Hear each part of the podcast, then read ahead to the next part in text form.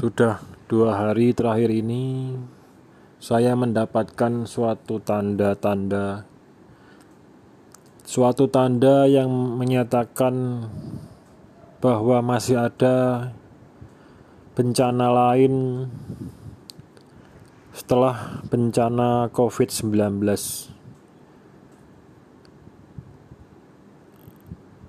Suatu tanda percepatan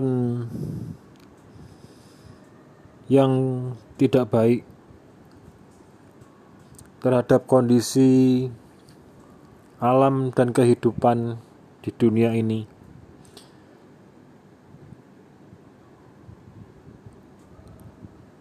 Semenjak terjadinya wabah COVID-19 ini kita memasuki suatu gerbang problem dunia yang baru.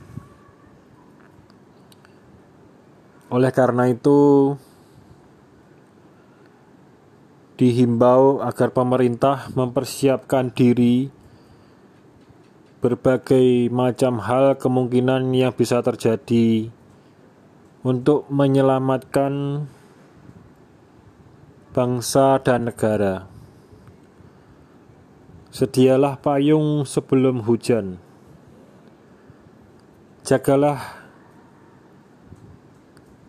kewaspadaan, persiapkanlah segala sesuatu dengan baik, dengan matang, dengan tertib. Perkecil segala kebocoran. Pikirkanlah